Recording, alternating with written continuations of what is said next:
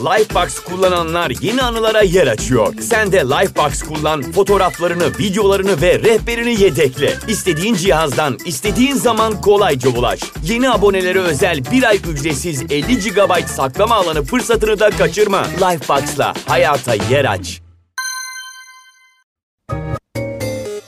Merhabalar. Birazdan dinleyeceğiniz bölümün kaydını aslında haftalar önce almıştık. Ama yakın zamanda ülkemizi sarsan büyük depremlerden ötürü paylaşım yapmadık. Hayatını kaybedenlere Allah'tan rahmet, yakınlarına sabır diliyorum. Yaralılara şifa diliyorum. Çok üzgünüm. Yani ne diyeceğimi bilemiyorum aslında. Ölü sayısı çok yüksek. Kayıplar var, evsiz kalanlar var. Çok öfkeliyim, endişeliyim. Umarım yaralarımız çabuk sarılır.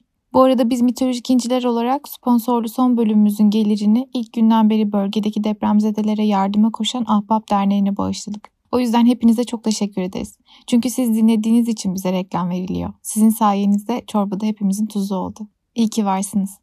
Akıl sağlığımızı koruyabilmek için yavaş yavaş paylaşımlara dönüyoruz. Rüzgarın sağladığı ve benim mızrağımla yaralanmış bu ağaçta asılı 9 gece geçirdim. Kimse bana yiyecek vermedi. Altımdaki uçuruma bakıyordum ve birdenbire runik yazıları gördüm. Onları yakaladım ve acıdan inleyerek yere düştüm. Merhaba mitoloji meraklıları. Alıntıladığım sözler Havamal adlı şiirden baş tanrı Odin'e ait. Peki Odin neden bir ağaca asılmış ve runik yazıların konuyla ne ilgisi var? Bu bölümde Odin'in bilgeliğe ulaşmak için ne gibi çılgınlıklar yaptığını konuşacağız. Onun zaten bilge bir tanrı olduğuna, bilgiye çok değer verdiğini önceki bölümlerde değinmiştik. Omuzlarında duran iki kuzgun, Hugin ve Munin, tüm evreni dolaşıp akşam yemeği vaktinde geri döner ve edindikleri bilgileri Odin'e aktarırlar demiştik. Yani Odin için bu iki kuzgun çok değerli. Çünkü Odin Tüm evrende olan biten ne var her şeyden haberdar olmak ister. Kendisinden habersiz kuş uçmasını ister. Bilgi güçtür onun mottosu diyebiliriz. Ama Odin bile evrendeki her sırrı hakim değildir. Tek tanrılı dinlerdeki her şeyi bilen, duyan, gören, tüm evrene hakim tanrı imajı yok yani burada. Çünkü Odin evet bir seviyeye kadar bilge ve birçok bilgiye hakim ama tamamına değil. Peki Odin için bilgelik çok değerli anladık ama evrende bilge olan tek kişi Odin mi? Hayır devler ve cücelerin de hakim olduğu gizli sırlar var. Hatırlarsınız yaşam ağacı Yggdrasil ile anlattığım bölümde bir kökün bilge dev tanrı ya da ne olduğu karışık bir varlık aslında. Bilge Mimir'in kuyusunun yanında olduğunu söylemiştim. Dev Mimir her gün bu kuyunun suyundan biraz biraz içerek çok yüce bilgilere sahip olur. Hatta bu yüzden Mimir'in ismi hatırlayan anlamına gelir. Neden hatırlayan? Çünkü Mimir ataların geleneklerine göre yaşamayı bilir, onların e, sırlarına hakimdir, hatırlayabilir onları ve bunu anlatır. Kendisine danışanlara ona yönelik öğütler verir. Ataların sahip olduğu bilgileri unutmamanın, birbirine aktarmanın ve ona uygun yaşamın önemi vurgulanıyor burada. E, bu aslında birçok mitolojide olan geleneksel bir bakış açısı. Ben bu mitlerdeki gibi ataların her bildiği doğrudur demiyorum tabii ki. Çünkü dünya sürekli değişiyor, dönüşüyor bir kere. Ama hani bazı komplo teorileri var ya mesela acaba bizden önceki medeniyetler bizden daha mı zekiydi? Piramitler öyle mi inşa edildi filan diye. Ya da mistik konularla uğraşanlar atalarla bağ kurma, ataların bilgeliğine ulaşma ya da onlara ulaşarak şu anki travmalarını çözme gibi şeylerden bahsediyorlar ya hani. O yüzden mitolojideki bu ata vurgusu, ataların bilgisi oraya yapılan gönderme bana çok manidar geliyor. Neyse hikayemize geri dönelim. Bilgi aşığı olan Odin'in bir gün bu bilgelik kuyusunu ziyaret etmesi kaçınılmazdır. Bu arada bu Mimir'in kuyusu bazı kaynaklara göre Urdun Çeşmesi ile aynı yer ama kafamızı karıştırmaya gerek yok. Odin bir gün 8 toynaklı atı Sleipnir'e atlar ve dev Mimir'in yanına ulaşır. Mimir aslında dev olarak bilinir ama mitolojik edebi metinlerde direkt böyle anlatılmıyor. Gölge gibi çok garip bir varlık diye geçiyor. Hani belki de fantastik filmlerde olur ya gizemli bir yere gidersiniz ve orada bir duvarda ya da bir ağaçta birden bir yüz belirir ve sizle konuşmaya başlar. Bazen Mimir o şekilde tasvir ediliyor. Ama yine de dev olarak hayal etsek de sorun değil. Odin Mimir'le selamlaşır, sohbet, muhabbet derken sebebi ziyaretini açıklar. Ben de bu sudan içip bilge olmak istiyorum der. Mimir der ki olur Yalnız bildiğin gibi bu su çok değerli. O yüzden içeceğin suyun karşılığı olarak onun kadar veya ondan daha değerli bir şey sunman lazım. Ancak o zaman içmene izin verebilirim. Odin bilgelikten daha kıymetli ne verebilirim ki diye düşünürken Mimir öneride bulunur. Gözün. Eğer gerçekten bu suyun sağlayacağı sırlara ulaşmak istiyorsan gözlerinden birini feda edebilirsin. Odin şaşırır. Hiç böyle bir talep beklemiyordur. Bir gözünü kaybetme düşüncesi onu üzer. Ama sonra bu su sayesinde ulaşabileceği bilgilerin onu nasıl güçlü kılacağını düşünür. Gayet sakin ve soğukkanlı bir şekilde parmağını sağ göz çukuruna sokar, gözünü oradan çıkarır ve kuyuya atar. Bu sahneyi Vikingleri anlatan herhangi bir filmde, dizide görsem çok şaşırmam ben. Çünkü e, onların yaşam stillerine çok yakın bir mit bence. Eminim şu an sizin de etkilendiğiniz gibi Odin'in cesaretini izleyen Mimir onun bu hareketinden çok etkilenir. Elindeki su içerken kullandığı boynuzu kuyuya daldırır ve aldığı suyu Odin'e içirir. Odin feda ettiği gözü sayesinde onun görebileceğinin çok daha ötesinde olan şeyleri görebilmeye başlar. Tanrıların en bilgisi olur. Yani bu mit bize diyor ki bilgi gözünüzden bile daha kıymetli ve ona ulaşmak için gözünüzü feda etmeye değer. Bırakın gözümüzü çıkarmayı, gözümüze bir şey olduğunu mesela bir şey battığını hayal ettiğimizde bile canımız yanar genelde değil mi? İskandinav insanların bilgiye verdiği değere buradan pay biçin. Tabii buradan Odin'in gözünü kaybedip sonra da daha büyük bir güce ulaşmasını başka şekilde yorumlamak da mümkün. Mesela bu hikaye bize bir kayıptan sonra ulaşılan bilgelik seviyesini sonradan kazanılan bir gücü anlatıyor. Bu kayıp maddi bir kayıp da olabilir. Vücudun bir organı, uzvu gibi. Mal mülk olabilir ya da manevi bir kayıp. Mesela sevilen biri olabilir. Evet bu kayıp üzer, eksik hissederiz ama onunla baş ederken daha farklı özellikler kazanabiliriz mesajı veriyor. Mesela bakın yerli yabancı birçok filmde dizide kahinler genelde kördür ama üçüncü gözleri açıktır. Bakınız Ezel dizisinde Ömer'in annesi dermiş. Şaka şaka. Yani somut dünyadan çok daha fazlasını görür kahinler. Sizin duygularınızı, düşüncelerinizi, hatta kaderinize göre yaşayacaklarınızı bile görürler ama gerçek gözleriyle değil. Yani bu olay demek ki ta Odin'e dayanıyormuş.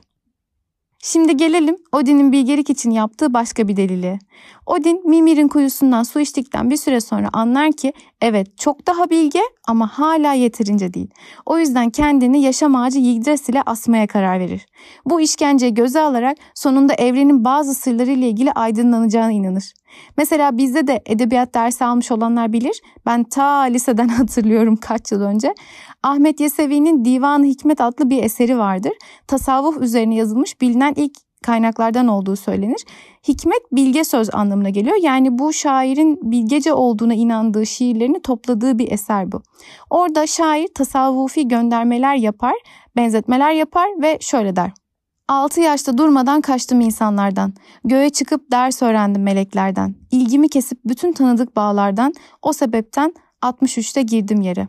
Bazı tarikatlarda bilgeliğe ulaşmak için belli bir süre yerin altında odalara giren, yeme içme, konuşma konusunda oruç tutan, çok az şeyle beslenip hiçbir şekilde insanlarla konuşmayan alimlerden bahsetmişti edebiyat öğretmenimiz. Ee, bu şiirle oradan bağlantısı var. Yani maddi dünyadan olabildiğince kendini soyutlayarak ve bir nevi kendini zora sokarak düşünce yoluyla daha bilge birine dönüşme yolu. İşte ta 12. yüzyılda bu topraklarda yaşanmış olaylarla ondan yüzlerce yıl önce İskandinavya'da doğan mitlerin benzerliklerini bulmayı seven biriyim ben de. Şimdi Odin'e geri dönelim. Odin, Mimir'in kuyusunun olduğu yere tekrar gelir. Kendini Gagnir adı verilen ünlü mızrağıyla yaralar. Sebebini birazdan anlayacaksınız. Ve hemen yanındaki yaşam ağacı Yggdrasil'in dallarından birine kendini ayağından asar. Yani baş aşağı şekilde öylece aşağı sallanır kimsenin kendisine yaklaşmasını, kendisine yardım etmesini de istemez. Lifebox kullananlar yeni anılara yer açıyor. Sen de Lifebox kullan, fotoğraflarını, videolarını ve rehberini yedekle. İstediğin cihazdan, istediğin zaman kolayca ulaş. Yeni abonelere özel bir ay ücretsiz 50 GB saklama alanı fırsatını da kaçırma. Lifebox'la hayata yer aç. 9 gün 9 gece boyunca yemeden içmeden orada asılı kalır. O anları kendisinin ağzından alıntılayalım. Rüzgarın salladığı ve kendi mızrağımla yaralanmış halde bu ağaçta asılı 9 gece geçirdim. Kimse bana yiyecek vermedi. Mızrakla yaralanmıştım ve kendimi kendime, Odin'e adamıştım.'' Yani gördüğünüz gibi çok ilginç bir şekilde Odin kendisini kendisine kurban ediyor. Çok yüce bir tanrı ama kendisinden daha yüce bir evren var. Ona bir şey sunarak adak adamak istiyor bir nevi. Kendisini kendisine sunuyor. İşte sonrasında ne olduğunu yine ondan dinleyelim. Altımdaki uçuruma bakıyordum ve birdenbire runik yazıları gördüm. Onları yakaladım ve acıdan inleyerek yere düştüm. Yani Odin 9 günün sonunda sallandığı uçuruma doğru bakarken birden aşağıda parıldayan run alfabesinin harflerini görür. Onların üstüne atlar ve harfler sayesinde birdenbire gençleşir ve daha çok bilgiye ulaşır. Şöyle der. Ürünler sağlamaya ve birçok şeyi bilmeye, çoğaltmaya ve refah saçmaya başlıyordum. Kelime be kelime keşfediyordum. Olay be olay keşfediyordum. Odin bu gizemli şekilleri olan harfler sayesinde 18 güçlü büyü çeşidi öğrenir. Bunlar şöyle. 1. Birini bir sıkıntıdan kurtaracak bir yardımda bulunma. 2. Şifa verip hastalıklardan kurtarma. 3. Savaşta düşmanın gücünü kırma. 4. Kilitleri açma, düğümleri çözme. 5. Hız. 6. Kara büyüleri etkisiz hale getirme. 7. Ateşi kontrol etme. 8. Kötücül olanı iyiye dönüştürme. 9. Denizi, okyanusu yönetme. 10. Kötü büyü yapan cadıların kafasını karıştırma. 11. Savaşta koruma. 12. Ölüyü konuşturma. 13. Savaşçının çocuğunu kutsama, koruma. 14. Canlıların doğasını bilme, onları anlama. Yani elfler, insanlar gibi canlılar. 15. Güç ve beceri. 16. Kadınları kendine aşık etme. 17. Onları kendine bağlama. 18. büyüyü ise bilemiyor çünkü onu kimseye söylemez, sır olarak saklar. Ve bu büyüler sayesinde Odin artık büyücüler tanrısı olarak anılacaktır. Gerçekten run alfabesi o dönem İskandinav coğrafyasında kahinlerin bildiği ve özellikle büyü hazırlarken kullandığı şekilli harflerden oluşur. Bu alfabeyi onlara Odin'in öğrettiği söylenir. Hatta şu sıralarda bunu tılsım olarak kullanan fenomenler ve bu konuyla ilgili sayfalarla karşılaşmışsınızdır. Vikingler dizisini izlediyseniz orada da bu harflerin sıkça tılsım olarak kullanıldığını görürsünüz. Bir keresinde Rollo çok ciddi yaralanmıştı, ölmek üzereydi ama Floki onu run harfleriyle iyileştirmişti. Ek olarak birini mızrakla öldürüp ağaca asarak tanrılara adama o dönem İskandinav kültüründe çok yaygınmış. Bu davranışında bu mitle ilişkili olduğunu görüyoruz. Bilin bakalım bu mitte Odin'in engin bilgeliğe ulaşabilmek için kendini yaşam ağacına asmasını günlük hayatta nerede görüyoruz? Tarot kartlarında.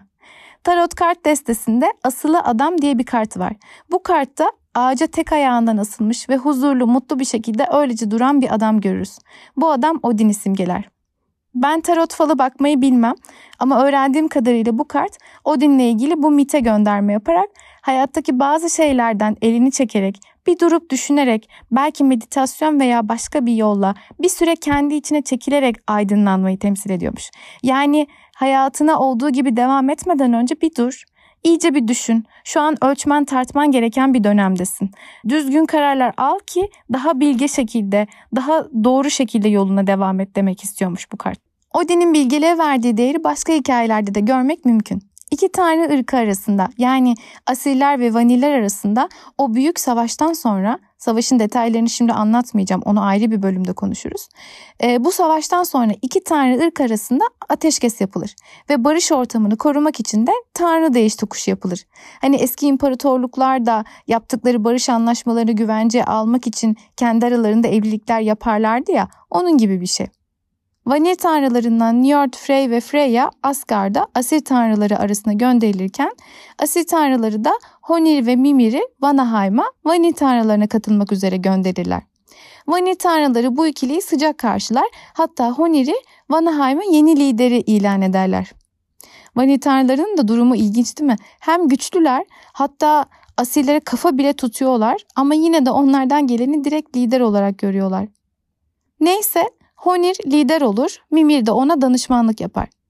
Ama zamanla Vanir tanrıları fark ederler ki toplantılarda filan olur da Mimir bir sebeple katılamazsa Honir hiçbir mantıklı argüman ileri süremiyor, saçma sapan konuşuyor. Yani adeta Mimir olmadan Honir bir hiç. O yüzden asil tanrılarına çok öfkelenirler. Çünkü onların size iki tanrı gönderiyoruz ayağı yapıp bir beceriklinin yanına bir beceriksizi kaynattıklarını düşünürler.